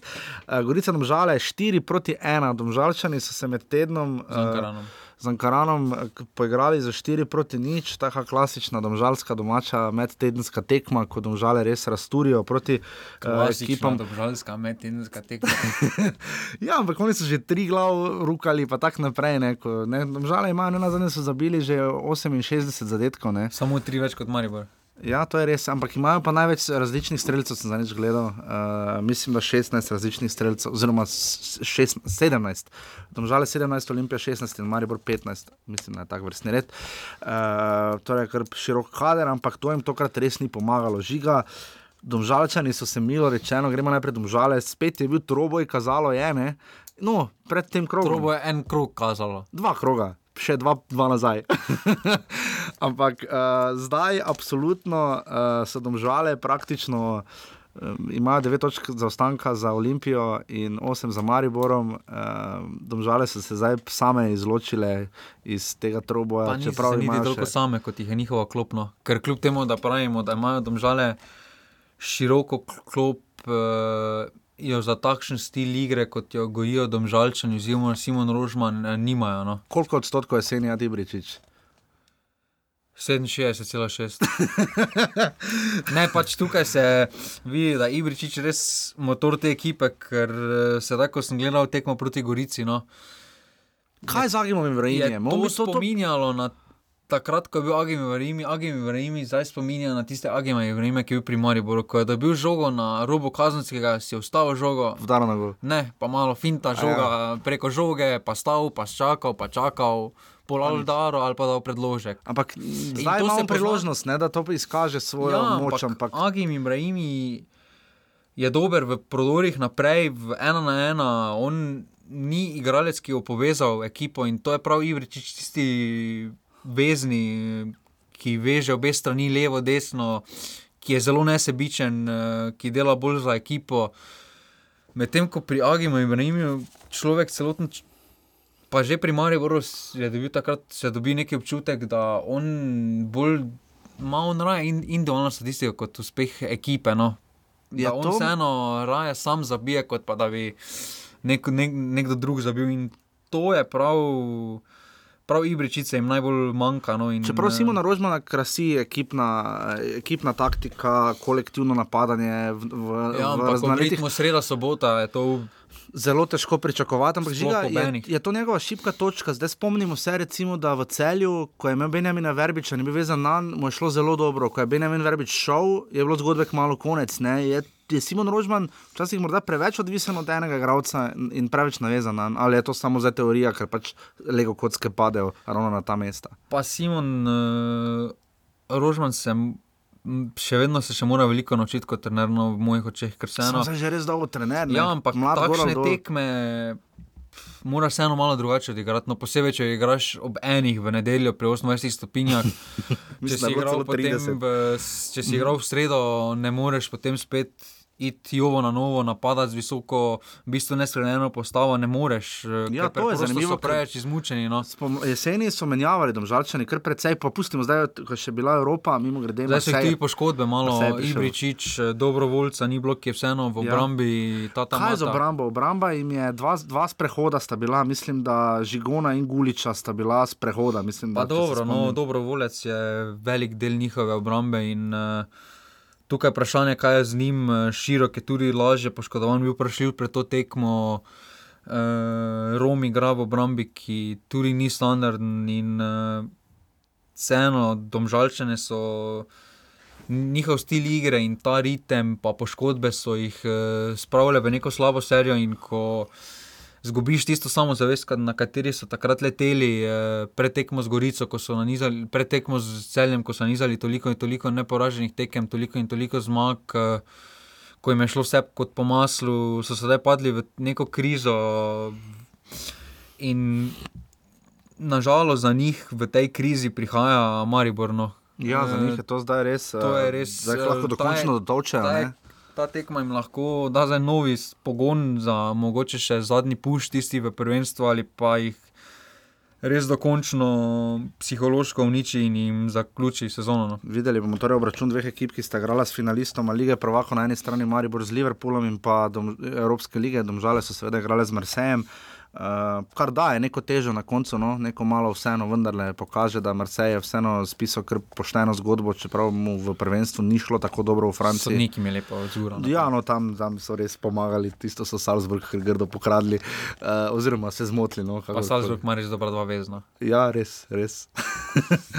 Zaradi hitrosti, ne? Zaradi hitrosti. ja. hitrosti. Antilop. Uh, ja, antilop. Uh, 4 proti 1, Gorica, Gorica, ki se je pobrala. Čuri, muri. Če vidimo, ja, kaj so res vrteli neko glasbo. to je tako. Po 4-1. Pri četrtem zadetku, ja. Ja, ki je bil v sodnikovem podaljšku, tam čez Ja. ja. na koncu. Ja. Čuri muri. Smajlagič, čuri muri je bila muzika. No, boljše, gledaj, mislim, da je Eh, kaj na, treh, na treh stadionih ali štirih je Golica, tako da gledaj. Uh, Ja, samo je pa treba povedati, da so Gorici so se z Adafejem eh, rašli. Ne? So se razšli? Ja, to pa vidiš, to sporazumno. Uh, Gorica se je absolutno sestavila štiri zaporedne zmage. Mislim, da če bi iskali najbolj, če vzamemo zdaj fokus na Maribor in Olimpijo, če bi iskali najbolj pozitivno zgodbo, poleg Ankarana, ki pa je na katero pa zdaj licenca vrgla slaba luč. Mislim, glede na jesenski del, ne, Gorici je kazalo vmes že zelo, zelo, zelo slabo. Uh, ne na zadnje so bili uh, čisto na začetku sezone 10, 9 in se mučili, vmes potem so se dvignili na tretje mesto. Zdaj pa je kazalo, je, pogovarjali so se celo o tem, kaj če jih. Kaj če padejo malo niže, ne? ampak zdaj so naredili štiri zaporednimi zmagami, naredili preskok in ne na zadnje so oddaljeni tri točke od pogojno Evrope. Ne? Ja, tu je zdaj soočen, res, Res rešuje. res rešuje. No. Že zadnjič v Ljubljani je pokazal vso svoje znanje, zdaj znova tam pri tistem strelu, fenomenalno. No. Pozna se, da so dobili mlajši priložnost. eh, Pa igrajo poletno, no. igrajo poletno uh -huh. in uh, upajo si ti fanti. In, uh, če, sm, če je prav to poudarjal Srebrenic, da je sedaj čas, da ti mladi fanti dobijo priložnost, uh, so pravi čas se odločili za to potezo v Gorici, ker vseeno večina teh igralcev bo tako ali tako ostala v, Go- v Mhm. Gorici. No, na Vrnil se je. Burgič, ki je zadeval med tednom proti celju. Zdaj, kaj Gorica, rezultata sta tako ali tako impozantna. 3-0 proti celju, doma in pa Celje, 4 proti 1. Jurhar, ja, zgrešil šport, glede na Ja, Jurhar je res imel hudo napako proti, uh, proti Goričanom med tednom, ampak uh, Goričani zdaj igrajo zelo ekonomično. Uh, večinoma vidimo, da posesti nimajo, ne proti celju, ne proti domžalam, streli. Tu ali celo manj, ampak tisto, kar pa dobijo priložnost, pa zdaj zabijajo. In to je tisto, kar se mi zdi, da je uspelo Mirano Srebreniču najti. Težko, bo, težko najde zamenjavo za Rifeta Kapiča, kar ponavljamo že praktično zdaj, je kar na repeat, ampak uh, z, so se pa neverjetno prebudili v napadu. Kaj je razlog? Pa problem je bil tudi, da tako kot smo vsi mi iskali nekega zam- zamenjavo za Riferta Kapiča, so se preveč gorici ubadali s tem vprašanjem, kdo bo novi Rifert Kapič. No, tukaj eh, potem moraš spremeniti malo sistem igre, glede na igralce, ki jih imaš na, na, pa na razpolago. In prej slej bo ekipa vrgla enega posameznika, ki bo spet delal razliko, tako kot je Kapič delal. Uh, in so morali malo spremeniti sistem igre, da, so, da se ne vem, en Gulič uh, je sedaj že se iz, njihov najboljši klubski strelec s petimi zadetki, pa v bistvu praktično jeseni ni bilo. No. Mhm. Uh, in je tukaj prej slej bo ekipa bo navrgla nekega posameznika, ki bo pokazal takšno kvaliteto, kot je imel Kapič. Uh, in to je edina pot. Problem vseh slovenskih klubov je, da se potem, ko, neko, ko en zelo pomemben člen izgubijo, da se preveč upadajo, kdo bo tisti, ki ga bo njega nadomestil. Uh Mhm. -huh. Preveč iščejo točno njegovo določeno zemljo, medtem ko bi poiskali nove rešitve. In uh, prav to je sedaj Srebrničev uspelo, oziroma ekipi, da je našla neko drugo svojo smer. Uh, Uh, in so zelo dobri v tem, da nimajo veliko priložnosti, ustvarjajo si veliko priložnosti, ampak tisto, kar dobijo, izkoristijo. In, uh, prav to je pohvale vredno, da so bili sposobni se pogledati toliko v ogledalo in so si najverjetneje povedali, da tako več ne gre naprej, uh, so spremenili nekaj skupaj s Srebrničem. In rezultati so tukaj. Ja, upam, da bomo kmalo morda gostili Marka Guliča, 21 let je star, 17 nastopov, 5 golov, toliko ste jih dala za Gorico, še en v Bojezi in Osuđi v tej sezoni. In Gorica, koliko, v bistvu, govorijo o pritisku, Miren Srebrnič, ne, da zadnje, kar bi trenutno potrebovali, je pritisk in preizpraševanje znova v Evropi. Ne. Lani jim ni koristila Evropa, ne. proti Širaku so sicer pre- preskočili prvo oviro in potem nabasali na nedosegljivo, ne, ne, nedosegljivo preveč konkurenčni Makabi in jih je potem to tudi stalo na začetku sezone. Uh, ampak vseeno, žiga, realno gledano, um, ima Gorica možnost izvedeti na igrišču, ima, ker zdaj so vsi v treh točkah, so trije klubi za četrto mesto, če seveda ne bo aluminij vse. Možnost ima, ampak zgodovina uči, da če nisi Maribor Olimpija, pa se zdaj žale, da tisti četrti klub v Evropi ponavadi mu to za naslednjo sezono v slovenski ligi prinese Mhm. več slabega kot. eh, Rudar se spomnimo tudi recimo. Dobrega, mogoče Celje, kakšno, ne. ja, mogoče kakšno prodajo, to pa je to no, na prvenstvo ima ponavadi negativen učinek, zakaj je temu tako. Se morajo vprašati, vem, eh, če bi takoj po prodaji Rifeta Kapiča poiskali neko novo pot Gorici, mogoče bi bili sedaj v borbi za.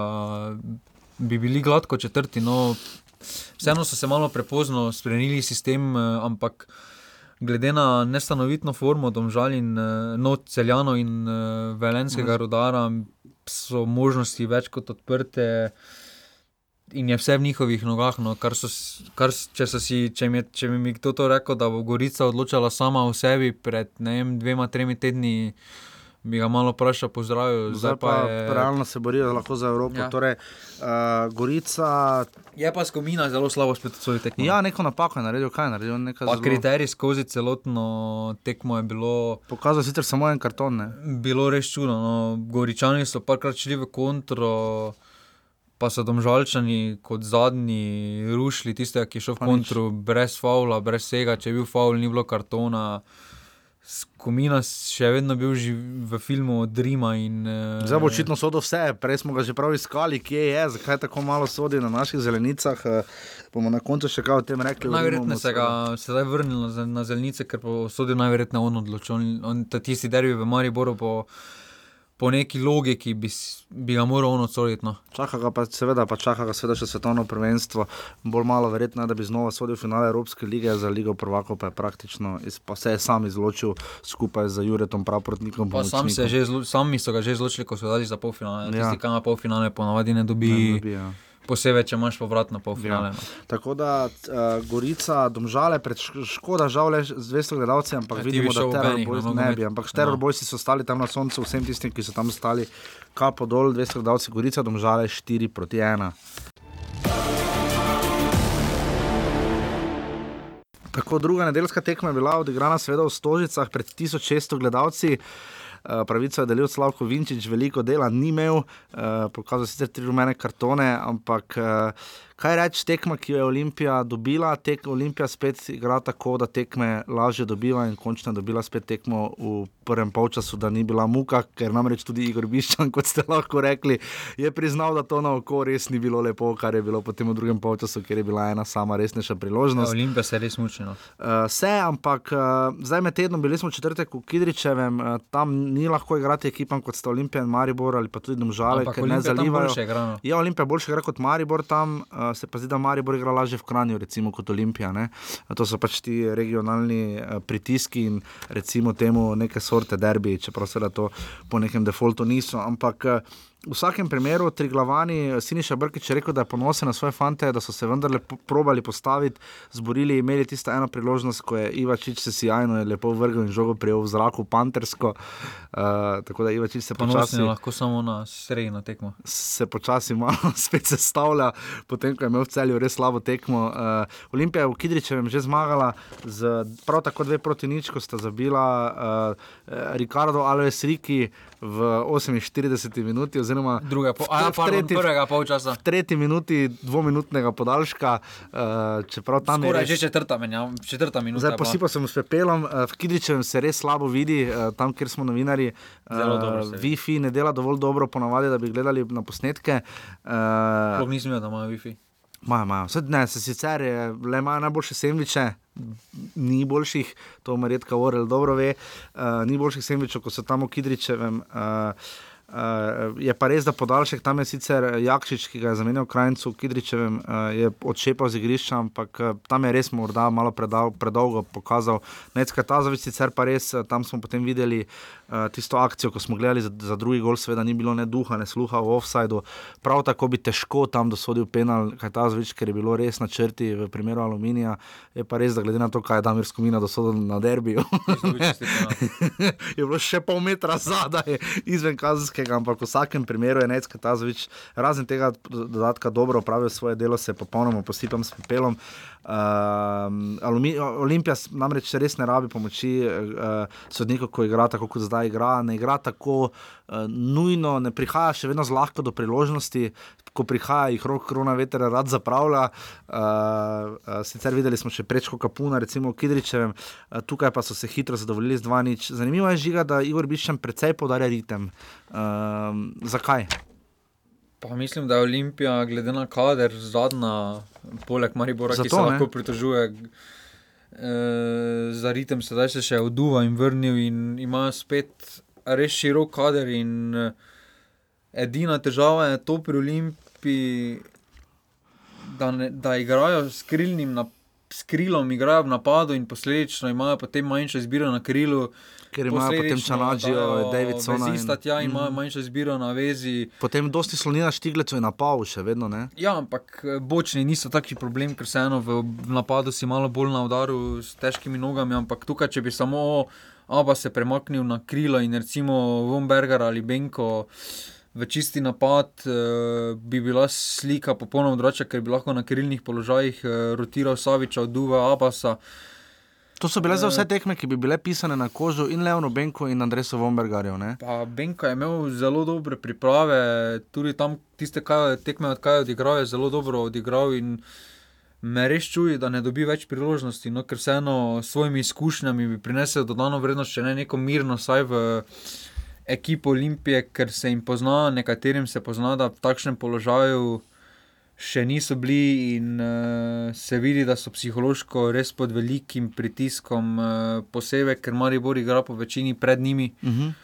In s- vedno morajo loviti tekme. in Pač ima- se vračati nazaj na vrh. ne. Žiga, Ja, in- Zdaj imajo res dve tekmi v gosteh, zelo pomembni. Ne? Oziroma, pardon, ne, d- d- dve od treh imajo gosteh. Najprej čaka rudar, Leon Črnčič je povedal, da jim letos ne gre proti Olimpiji. Ne? Ne, res? Sploh pri Digarju. Uh, tako da, uh, kaj tu še reči o Olimpiji? Zdaj začel je spet Savič, recimo tekmo proti Triglavu, rekel si, vrnil se od Uva, tudi Davidson vidimo, da prihaja.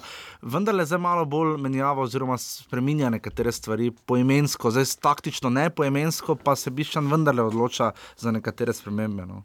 Ja, ampak eh, še vedno prihajajo v premalo priložnosti. No. Mhm. Uh, tukaj, če, proti aluminiju je bil uh, prvi zadetek, ki je bil, ko se je aluminij odprl in je pustil preveč prostora zadaj, se je nerazumljivo odprl v, zadnji, v zadnji minuti s njihovega podaljška, res bi je res počakali odigral do konca. katastrofo. Zanimivo, da je ne, do Aluminija še pridemo, ampak eh, Oliver Bogatino je rekel, da ne ve, zakaj je tako straho spoštovanje do Olimpije. ne. Ja, ampak so se nerazumljivo odprli tisti zadnji minuti in so takšni ekipi, kot je kvaliteti Olimpija, Maribor, če postiš toliko prostora, takoj te kaznujejo. No, in tukaj.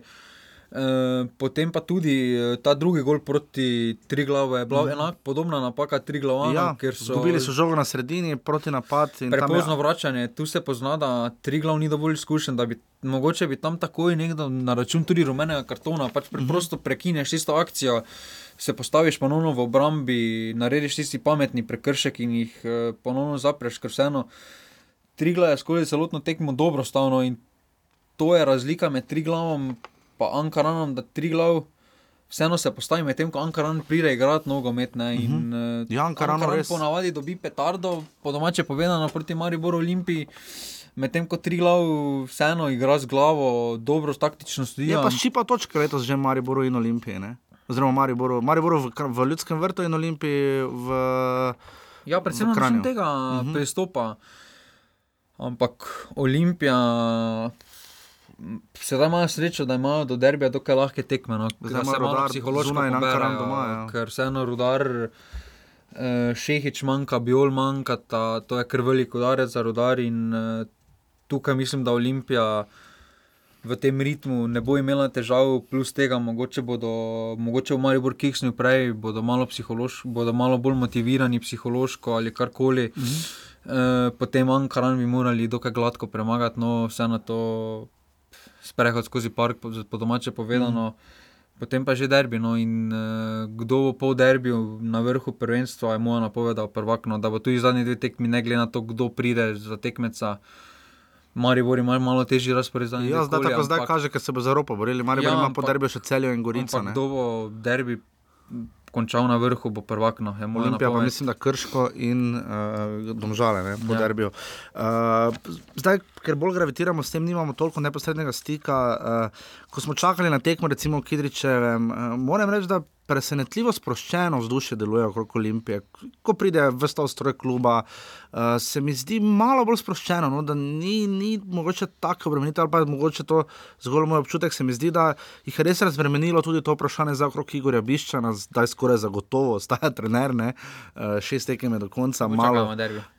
Dobro, ampak potem dva, dva, dve tekmi pred koncem, plus pokal, finale, to bi. Milan Mandarič, vsega so se. Dobro, to je res. Ampak, Ampak ja, v vsakem primeru mislim, da si je zdaj Olimpija oddahnila in da zdaj zna biti, žog, zdaj je psihološka teža malo bolj na strani Maribora. Uh, Ne, na zadnje zaostaja eno točko. Ne? Olimpija deluje bolj sproščeno, zato ker eh, če sonimo samo prvenstva, tiste sezone, ko Maribor ni bil prvak napram Olimpiji. Je bilo kola, da so Nemci spet korakali, Maribor. No, res je bilo res. kritično stanje. Vsi v klubu Maribor se zavedajo, kaj pomeni nogometni klub eh, Maribor kot mestu. Mhm. Medtem ko v Olimpija, če pogledamo 1600 gledalcev napram 3000, pa sta oba dva igrala proti klubom iz dna z- lestvice, ja. ob enaki uri, samo drugi dan je bil, no, Mhm. lepo vreme, bil obe, ob- pa oba dneva. In uh, tu se vidi ta razlika, da se eno Olimpija ni toliko obremenjena z naslovom, ker se eno blizu so, še vedno imajo vse svojih uh, nogah. Uh, če jim kdo to ponudil pred začetkom prvenstva, bi oni sprejeli, medtem ko je pa res, da če bi jim povedali, da bi želeli 10 točk prednost pred Mariborom, pa- pa, Riki Alves je imel na glavi Na glavi prvenstvo. ja. in tako naprej, bi bilo vprašanje. Ampak to je prav ta razlika pritiska javnosti. No, in to govorimo, da je Mariboru veliko težje za to igrati, ker pri Mariboru prvo štopanje, pa si že v bistvu odpisan strani gledalcev. Res je. In eh, je pa res, da Maribor se je skozi leta naučil spopadati s tem pritiskom, eh, pa Mariboru gre vseeno malo bolj na roke. Domžale, celje igra recimo v gosteh, ker Maribor letos, oziroma nasploh skozi celotno svojo zgodovino, igra tekme v gosteh veliko lažje, no, ker se vseeno ima te Je to morda hiba, da igra Maribor derbi doma? Pa mislim, da derbi. zdaj se v Stožicah Maribor boljše počuti. Glede na zadnje tekme, ne no. Ne, no, ja, Ampak- razen te zadnje, čisto, ampak se tam se res Ampak, reševal. komaj, res je. eh, Tak derbi, če bodo v takšnem položaju obe ekipi stopili, mm. mislim, da Ja, ga potem bomo je- lahko primerjali z derbi, kot, eh, ki jih je Maribor igral poleti, avgusta, Mhm. mm. septembra z Ligo Prvaka in eh, vsem spoštovanjem do Olimpije, mislim, da takšnem ozračju, kot bo derbi odigran, Ja. ja. še niso odigrali dobene tekme. Ja, bo nimajo tudi- dosti naslovov skupaj, recimo, Ja, in pa tudi to za Olimpijo, ne. te večino fantov je nekaj novega, res da pred Mm. polnimi tribunami je lažje odigrati, ampak eh, v ljudski vrt eh, se spomnimo, tudi Berševa je prišla sem, pa vemo, kakšno vzdušje je v Izraelu. Mhm. Ja, pa so tu vseeno Pa, Apoel, pa so tu vseeno se malo, po domače povedano, posrali pred Pragom.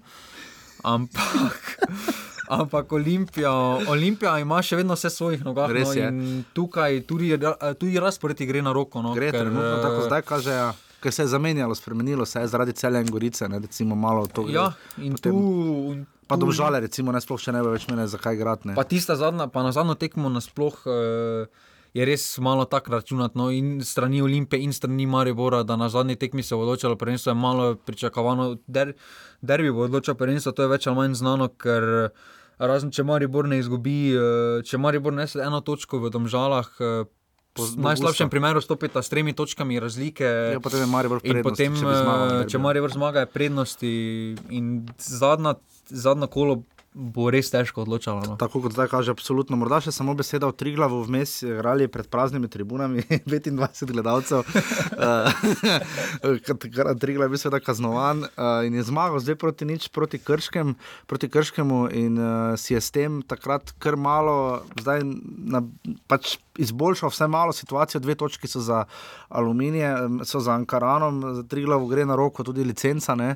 Če Ankaran na desetem mestu, potem dodatnih kvalifikacij ni, uh, oziroma ja, potem so dodatne kvalifikacije. Ja. Pa ne bo dodatnih kvalifikacij. Eh. Ne vem, pač v vsakem primeru. Nogometna zveza bo pač napolnila ligo z desetimi in to je to. Triglav pač mora nekje najti uh, ja, tri točke, mislim, da ima med seboj skoraj slabši od Ankarana. Uh, tako da proti koncu sezone Triglavu bo še šlo pošteno za nohte. no. Je pa treba, zdaj ko smo pri tri glavu, bi najprej apeliral na. Vem, da je malo možnosti, da kdo posluša to z nogometne zveze Slovenije, ampak eh, jaz res prosim, da se meni pošlje, pa samo lahko, samo meni na mail, ziga.kosaf na gmail.com, pravilnik disciplinskega sodnika, kako kaznovati klube. Ja, Ja, Ker Maribor Olimpija ima ta predkaznovanost Ja. ja. že od leta 2012. Ja. Tri glav prvič naredi nekaj, pa dobi višjo kazen kot, kot Maribor Dobro, se predkaznovano se dela skozi sezono, ne na lani. Ne, Ja, Mislim, ampak- se rebuta. Ampak, Ja, ampak vseeno. Enemu tri glavu da 2500 evrov. To je res kazni. visok znesek. Ne? Če gremo na derbi, dobiš pred- po 4 uri, 5 uri. Pa tekma pred praznimi tribunami, to. Ker je en navijač nekaj rekel sodnikom, ne, ali pač stekel ali karkoli že bilo. Če se ne spomnimo derbijev, ne vem, da, Potem je bila Maribor največja dal- kazen 9000, mislim, da za Ja. enega, oziroma 11000. To je, Neproporcionalno je. No. to je ena petina, potem za derbi kazni, pa vemo, da se pol toliko pirotehnike, pol toliko po domače Tu povedano pirotehnike žaljivega ne. govora ne pove. E, pa tudi kar se meče na derbi, vse z obeh strani, na sodnike, na igralce Ja, in ja, tako ampak naprej. To triglo je bilo nepro, neproporcionalno in nesorazmerno je bil kaznovan. to- absolutno. Ampak se mi je obneslo, gledaj, šok terapija Ja, delala. ampak vseeno, nogometna zveza mora spodbujati takšne klube kot so Ja, deset klubov imamo v prvi ligi, ne tri. Ne. Ker vseeno v slovenski nogomet vzgojo mladih igralcev prinese več en Triglav kot pa Olimpija, Maribor, roko na srce. Če pogledamo, Ja. kaj je Triglavska šola že dala, Ja. skozi katere igralce je dala. Za, ponavadi začnejo v takšnih klubih igralci slovenski, tri glav, gorica, manjših okoljih, potem pa jih Maribor Olimpija pokupita in gre tja. No? Res je. Uh, tako da bomo videli, kako se bo tri glav soočil. Znam, kar nam tekme več nima, dve točke zadaj, absolutno pa moramo omeniti uh, obramb eno od obramb sezone, verjetno obramba sezona sezone, predvidevam, da je. Če bo Marijo vrl prvak, je Jasmin Handanovič proti ne. Alvesu, ampak tam Džafičevo posredovanje proti Krškemu, dve obrambi v enem napadu, res fenomenalno, tako da vse pohvale kranskemu kapetanu, mislim, da ne. Uh, tako da Olimpija tri glav pred 1600 gledalci, dve proti nič. In še zadnja tekma, ki jo praviloma aboniranje na njej aluminij zelo pogosto, ampak bolj doma kot v gosteh, tokrat na stadionu. Žale, ponovno v tem terminu igrajo. Ja, doma. na stadionu, na stadion arena zdaj je to narobe. Kaj se odloči? 400 gledalcev eh, se je zbralo v celju, eh, celjani so med tednom, eh, seveda, izgubili proti Gorici, proti Gorici in zdaj komaj izvlekli točko na koncu, uh, so se kar matrali, res pa je, da je na koncu še tam, ne vem točno, kdo je imel Vizinger ali kdo je imel, ne, ali Predragovič ali kdo je imel tam žo, na, na glavi celo zmago. Morda, uh, Dve proti dve celje aluminij. Aluminij je med tednom igral, recimo, temu generalko z Olimpijo, ampak je Oliver Bogatino rekel, da jih čaka še veliko, veliko dela, da če to bila generalka, bojo morali še res pošteno premisliti, kako nad Olimpijo. Ampak sta mu pa, kot si mi ti že včeraj zvečer napisal, žiga res uspeli menjavi. Ne? In to je tudi sam povedal v izjavi, kot ste lahko slišali, Makengo in pa Tahiraj v osmih minutah sta potem. Uh, Razlike sta zabila najprej Darijo Vizinger, zabil za ena proti nič, uh, kmalo po nadaljevanju, Eurogol Makenga, da tako sprašiš praktično z mesta, šus. Uh, uh, Jurhar je tu res odletel. Dobro, veš, zakaj. ja, vem. vem. Uh, potem pa še Francesco Tahiraj, popolnoma res nadigral obrambo celsko. Mislim, da se je sama nadigrala, ja. obramba, ker so kip kar stran so leteli vsi. Pa res, Stojinovič, Žinič, Travner in Vidmajer, oni imajo skupaj v ligi, sploh Žinič in Travner imata že 500 tekem. Videli, da v naši ligi več nija. Nima efekta, ne, ker je res uh, to potegnil Am... ta hiraj. Jaz mislim, da bo, ko sem gledal highlights, mislim, da se bo podal, pa ni, ni mu bilo treba podati. Pri no. celju je najbolj žalostno to, da glede na to, kako igrajo, da igrajo zelo dobro, niso dobre rezultate. Ja. 400 gledalcev. Škoda, ja. Res, no, za eno celje, ne moremo reči, da je glih malo mesto, je kar med večjimi slovenskimi mesti. Je največje slovensko mesto. Je in... Takšen obisk, niti rokometa ni bilo v tem terminu, nič ja. ni bilo, je to žalostno. No, in, uh, tu, še, tu se vidi, da, se, da še čaka celjane veliko dela na tem področju. Smo videli, da je to no. Je pa Požek Vancaš, uh, zagotovo igralec sezone, brez njega bo celjani tanko piskali, če bo šel po koncu sezone. Uh, je potem tam tisto res uh, si nastavil žogo in pomeril. Pritisk, vidi se tu in njim, ker so vedeli, da so. Tom, da so Ja, Goričani zmagali, Rudarje, Kiksno. Kiksno ja. In jih je malo zelo. vedeli, da v primeru zmage naredijo velik korak uh, k svojemu cilju. Zanimivo da Dušan Kosič rekel, da prvenstvo postaja zelo zanimivo. Ja. Zdaj oni se zagotovo zelo borijo, rekel je, da je bila. Da je pač Prvi mini... polčas so vstopili tako slabo, no res ja. so igrali. Vse veste, kako mi rečemo, kako igraš. Preko pač nečesa, preko, preko ja, organa. Preko ja. organa, ampak res, potem pa se je videlo, da so v drugem času res so štartali mm -hmm. na polno, takoj so dobili tisti zadetek, ko so malo stisnili, potem pa pač prišel Makenga. Pa... Makenga je naredil seveda preobrat. Mogoče pa je Makenga razlog, da je Olimpija ne umela dvojne krone. ne vem, če on glih. Uh, mislim, da aluminij vseeno ne more biti resna grožnja v finalu pokala. Ampak te bomo akreditiral. Ampak problem je celjana obramba. No. Jurhar. Jurha, glede na to, kako smo ga hvalili na teh večjih tekmah, ja, zaj, je na teh tekmah katastrofa, po domače povedano. No. Ja. Ti pri, pri golu Makenga ni mogel nič na to, treba priznati, ampak pri golu Tahiraja pa celotna obramba. Ne povezano s celotno obrambo. Bi morala storiti malo boljše, ker vseeno Džini, če tam na, kot zadnje, tako mu ni preostalo drugega, da ga spusta, ker če je bil penal, pa rdeči karton. No, in, uh, Ta hera je šel za 40 metrov, že žogo pa ravno laufa, niti ni pravo levo, desno, samo ravno je šel in je prišel pred samim. Ja, celjano pa se zdaj spet dogaja to, kar se je že vmes opozarjal Dušan Kosič, eh, tekme, ki bi jih morali skoraj dobiti, so jih prej tudi celo izgubljali, zdaj so vse pri remijih.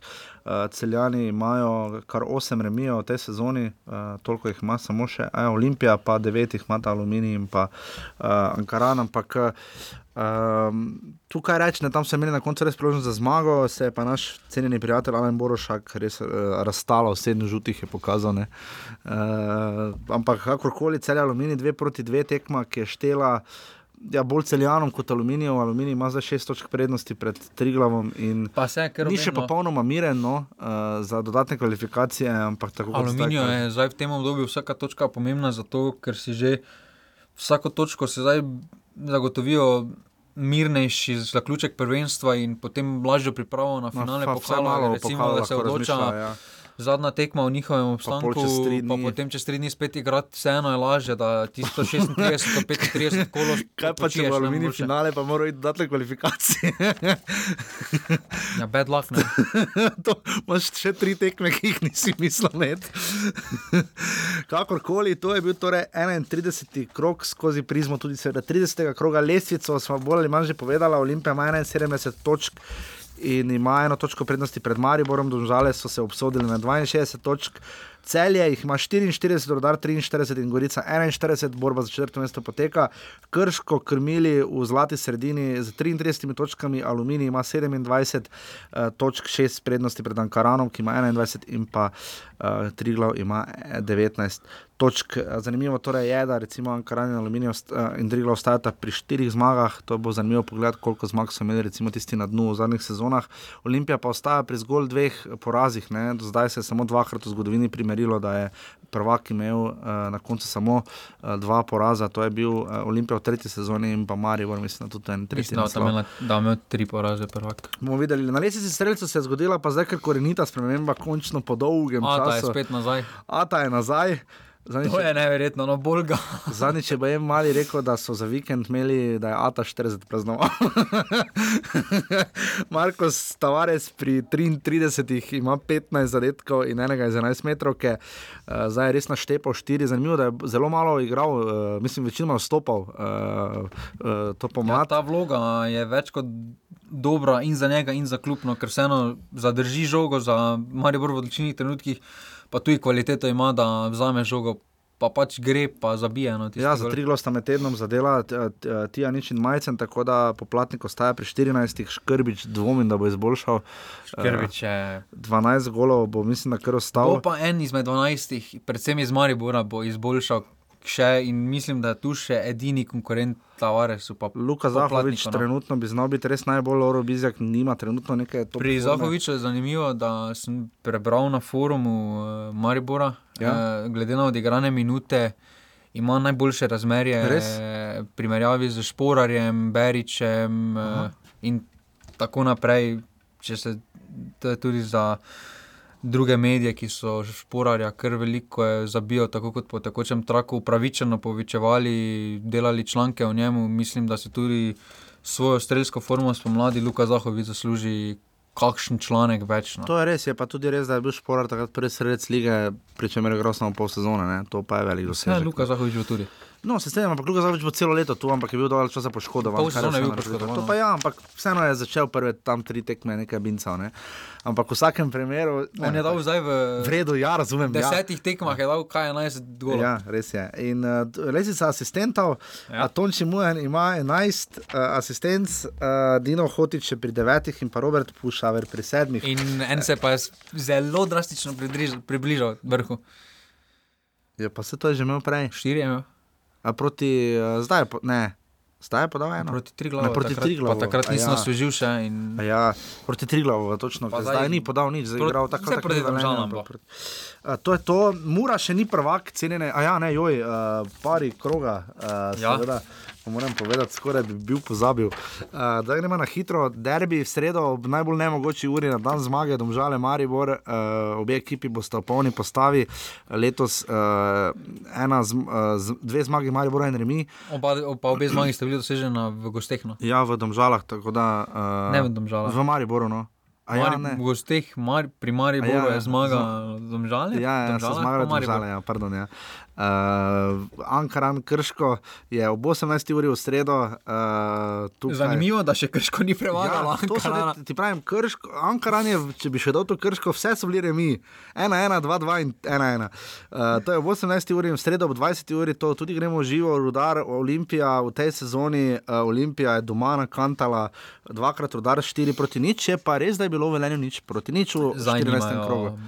Zanimajo bi Ola in Šekiča, kot si rekel, in potem še v četrtek dve tekmi, obe zelo pomembni uh, za Evropo in obstanek. Uh, Triglo ima ob 16. gosti doma v četrtek celje. Zanimiva je slaba, res slaba forma celjanov no, v gosteh. Ja. Ja. Tri zmage, samo pa ja. dva remija. Ja. Kar je za eno Doma- ekipo, ki je četrta, zelo s- So pa smešno, doma, ne, mislim, da druga. Ja, so doma, ampak eh, zakaj več, recimo, če hočejo, prej ali slej bodo tudi morali tekme v gosteh dodatno. In pa v četrtek ob 18. uri Alumini Gorica uh, v tej sezoni uh, vse Šum zmage. Je bila kar zanimiva tekma. Pa Ja. ja. tist, to je bila najboljša tekma Goričanov, po Ja. mojem prvenstvu do te tekme. Vse z tri tekme je do zdaj dobila Gorica, uh, potem pa so še, če se ne slišimo, v četrtek, potem pa še, uh, so še pa seveda tekme uh, 33. kroga. Maribor, Krško. Krško, Maribor ob 16.50 uh, na Gubcu. Soboto. V soboto, prav tako, to je edina tekma sobotna, v nedeljo so tri tekme, Olimpija, Ankaran, prav tako 16.50, Alumini, Domžale ob 18. uri in celje, Rudar, Šaleški derbi, to bo kar zanimiva tekma ob 20. uri in pa potem v ponedeljek, ali so psi ali pa miting, ne vem točno kaj, je potem tekma Gorica, eh, Triglav ob 18. uri. Tako gremo še hitro v drugo ligo pogledat. Uh, tu sta se zdaj na koncu nafta in drava poglihala, že to je res napeto do samega konca. Nastja Čeh seveda ne bo več mogel pomagati. Ni še Mura prvak, zanimivo, da je Mura izgubila, pa ima tri poraze, uh, enega z nafto doma in pa obakrat je izgubila proti Krki. Zdaj so izgubili še v novem mestu. Uh, Pa Mura, če bi mogla igrati dodatne kvalifikacije za prvo ligo, ne bi bila v prvi ligi. Ker vseeno te Vprašanje, tekme, ja. te tekme, vse kaj so nekaj odločile, derbi ne in tako roko naprej, najbolj, ja. in eh, ne grejo, no, psihološko so zelo slabi na teh tekmah. In... Mura ima za 66 točk, eh, praktično še samo vprašanje časa, da bo prvak, eh, potem imata pa nafta in drava 57. Uh, trije krogi so še do konca, ne? Oziroma 28, 20, 30, ne 3. Ne? Ja. Uh, tako da malo verjetno je, da bi radom le tu posegle in na koncu v prepiru nafte in drave prišle spredaj, ker so štiri točke za. Pa tak ne doben drugo vprašanje, razen če bo nafta. Bomo videli, rezultati pa so bili bravo, za, Zarica 4 proti 1. Uh, bravo se je tudi malo pozno zbudil, Zarica se bori, Zarica se mi bori, žiga. Mater je borba za to, to 15. mesto, Brežica 26 točk, Fužinar 25, Rogaška in Zarica pa 24. Uh, Roltek dob Fužina ravne, 3 proti 4, neverjetno, pri čemer uh, res, uh, kje se zdaj najde Fužina. Štiri gole so zabili, pa, predtem pa 15, se v 26 krogih. Pa zdaj so proti, proti dobu so dva gola dali 85 minut. Ja, ja vid- drugo ligo, drugo leto bomo imeli ob torkih, še pa drugo ligo, dve urno dajo. Uh, Veržej nafta, tri, pe... pa kakšni rezultati so to? No? Veržej nafta, Poglej, koliko penalov je bilo. Pa ena, dva, tri, tri je penali so bili, pa še rdeči karton. Je to za te derbije. Sosedski. To, to je res prekmorski, veržej, veržej. veržej. A ja, ne, jaz na robe računam, seveda, v- veržej, zadnji fužinar je dal predtem, ni dal, je sedaj do 35, 36 golov, ne 19, sem napak pogledal. Veržej se bori iz zadnjega mesta, no, uh, proti nafti 3-5, krka mora, kot rečeno, 2 proti 1, Maroša je potem samo še znižal, Jadran dekani, Radom je nič proti 3. Uh, Jadran dekani, ja, Brda Ilirija 1 proti 2, to je bil prenos. Tudi Ilirija se je tudi prepozno zbudila, ampak tu nekako krmili na sredini. Brežice Rogaška 1 proti 1, tekma derbi v bistvu začelja. Uh, tu bi si Rogaška lahko kaj več priborila, in pa Čeri Box, tabor Sežana, Drava Ptuj 1 proti 1. To je to. Uh, žiga je pripravil, to vam bomo tako dali, da največ točk sta letos osvojili žiga, to boš ti lažje povedal. Pripravil si os, m, procente osvojenih točk. Uh, Vsi veliko podarjajo, prvega, drugega in tudi se tretjega. letos izgublja. No. Uh -huh. Je pa dejstvo, da v pregledu celotni zgodovini slovenske lige zmagovalec, ne glede na to, ali bo Maribor Olimpija, če vse tekme do konca zmagata, ne bo imel najvišji procent osvojenih točk. To je Olimpija To je iz- Olimpija v sezoni 93, 94, 85% osvojenih točk. No. Res, s- Je pa bo, bo, pa, eh, bo pa to prvenstvo najmanjša razlika med prvim in drugim, v koliko točk sta osvojila, no, procentih. Ker vseeno ponavadi za drugo vrščeno ekipo je samo v dveh sezonah doslej eh, bilo potrebno osvojiti več kot sedem- 70% vseh možnih točk, to je bilo v prvih dveh sezonah, eh, obakrat je bil Maribor to. Potem pa je bilo že dovolj okoli 60%, točk, zdaj pa letos v vsakem primeru bo to konkretno nad 70%, no, kar je res impozanten podatek. No. Ja, najmanj točk je bilo, mislim, da za drugo, za tretje mesto pa vidim celje. Uh, seveda gledamo tretje. Ne? Tretje sem mislil, da ko sem delal to, to sem delal v soboto, sem mislil, da bodo žalčani me vseeno ne bojo v Gorici razočarali. No. In sem ker zmago že prepisal, pa smo Pa se popravili. mora popravljati. To je to, kar se tiče bolj ali manj 132. offsajda, žiga, kaj se nam dogaja po Evropi. Da, vidim, da je datum eh, je seveda 2. juni, mislim, da gremo s Črnogoro ob 20. uri in 15 na gradskem stadionu v Podgorici. Izgubili samo. Uh, ja, uh, Kavčič, seveda, kaj lahko Kavčič vidi te dni, uh, sicer pa mladi so izgubili prvo tekmo v 17, ne? za Švedi so izgubili, danes igrajo z. Portugalsko. Portugalsko. Ja. Švedi so koliko izgubili? Eno, Ne nula, vem točno. izgubili so. No, uh, E, ampak veseli me dejstvo vse to, da vidiš redno selektorja na tekmah prve slovenske lige. Mhm. Sedaj Velen je bil, uh Mhm. -huh. pa tudi druge tekme obišče. Kaj pa lahko pa mislim, da ima kar pri izbiri napadalcev lahko vidi enega Luka Zahoviča. No, uh Mhm. -huh. Sedaj poškodba Jana Mlakara prekrižala te načrte, ampak en Luka Zahovič bi si saj zaslužil biti na tem seznamu. No, eh, Pri da Olimpiji? ga sproba. Pri Olimpiji pa Mogoče- bolj tuji selektori, kaj za videti kot domači selektori. Davidson naj bi šel, v, bomo videli, ali bo Tukaj David, mogoče samo mogoče bo Davidson celo izbran za svetovno prvenstvo. bomo videli. Edini, edini z Olimpije je prišel poštev. Kapun pa pogojno kronometer, ampak če gremo neko pomladitev, kronometer odpade. Ja. Ampak kapun pa premalo igrano za Malo igrajo. kaj resno, glede na izbiro vezisto, ki jo imamo Slovenci. In tukaj bolj tuji selektori pridejo na račun pri. Okay, kaj pa je, kaj je lahko opazil, uh, kaj, kaj bi Kavčič lahko opazil uh, na tujem zdaj, kaj se še dogaja? Da igra Berič. Uh -huh. Pa tudi Josip Pilič se vrne po škodi. Kaj z Bezjakom? Bezjak je. Ja, no. ja, bil je kar reden reprezentant. Ne? No. Srečko to. Okay. Srečko to je bil tudi. Ja. Firer reprezentant. Ja. No, ne bomo Pa šli v te. Tisti napadalec iz Italije, ko sploh ni napadalec, ko ne vem, kako se že mu sploh reče. Uh, ne, Jelenič. Jelenič, evo, e, ja. viš, to so trivia kvizi. Ne? Eh. Tako da ja. Takrat, ko je bil srečo katanec, je reprezentanca izgubila pojem reprezentanta. Mm, to je res. Danes je bila torej malo daljša oddaja, ker smo stičali dva kroga, verjetno bomo tudi naslednji ponedeljek. Tako da pričakujte spet, upam, da bo kakšen fajn gost. Res hvala Jrneju, hvala Gašperju, hvala Marku, vsem tistim, ki nas podpirate. Res, res hvala, ta teden gremo torej v živo pogledati, ker tri tekme, no daj si špegle, sončne dol. Tako da res je napeto, res je zanimivo. Hvala Gregi, hvala Leonu, hvala uh, GT22, hvala tebi, Žiga. Ja, offside sem še seveda dolžan. Uh, prihaja do sprememb. Uh, Ankaran je prehitel Maribor po offsidih 4-0 v Ljubljanskem vrtu. No, Uh, celjani bojo prišli do 100. Si napovedal. Si napovedal, eh, rudar pa težje.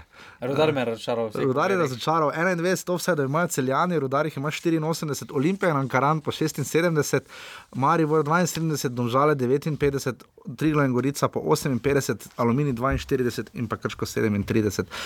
Če ne v četrtek, se zagotovo slišimo prihodnji ponedeljek, Eh, če se znajdete v offsajdu. Mislim, da si se potem znašel kot Damir Skupina na zelenici Rim, v Rimu. Olimpijskega stadiona, stadion Olimpiko, ni mu šlo, ne. Samo tu iz Slovenije ne gre. Sodniški seminar v Kranju bo treba spet obiskati. On ima bolj koberskega. Koberskega. Ampak mislim, da bo mogel se prepisati, pa izmed ja. za kran, ker vseeno glede na tovarno, ker to je tovarna, bo ker so pisalo. Žido bo pisalo lepo na derbiju, sodi Damir Skomina, kran. Ja, zdaj domžale so di jug. No. Da sodi jug, no. Kar je, če se spomnimo na zadnje, ko je sodo jug, domžalah, Maribor, eh, domžale, če se spomnimo tistega offsajda, ko je Bohar zabil. Ja. Ja, ja. Domžalčani ni, oziroma predvsem športni direktor, direktor Mateo Dom- Ražem ga ni, Ja, a najbolj nima še spomina. pretirano, Ja, ampak bomo videli, kaj bo. Hvala res, da ste bili tokrat, tudi tokrat z nami, se slišimo skoraj zagotovo v, ponedeljek, eh, sicer pa nam sledite in res hvala za pozornost. Adijo, čau. Hvala. Ja,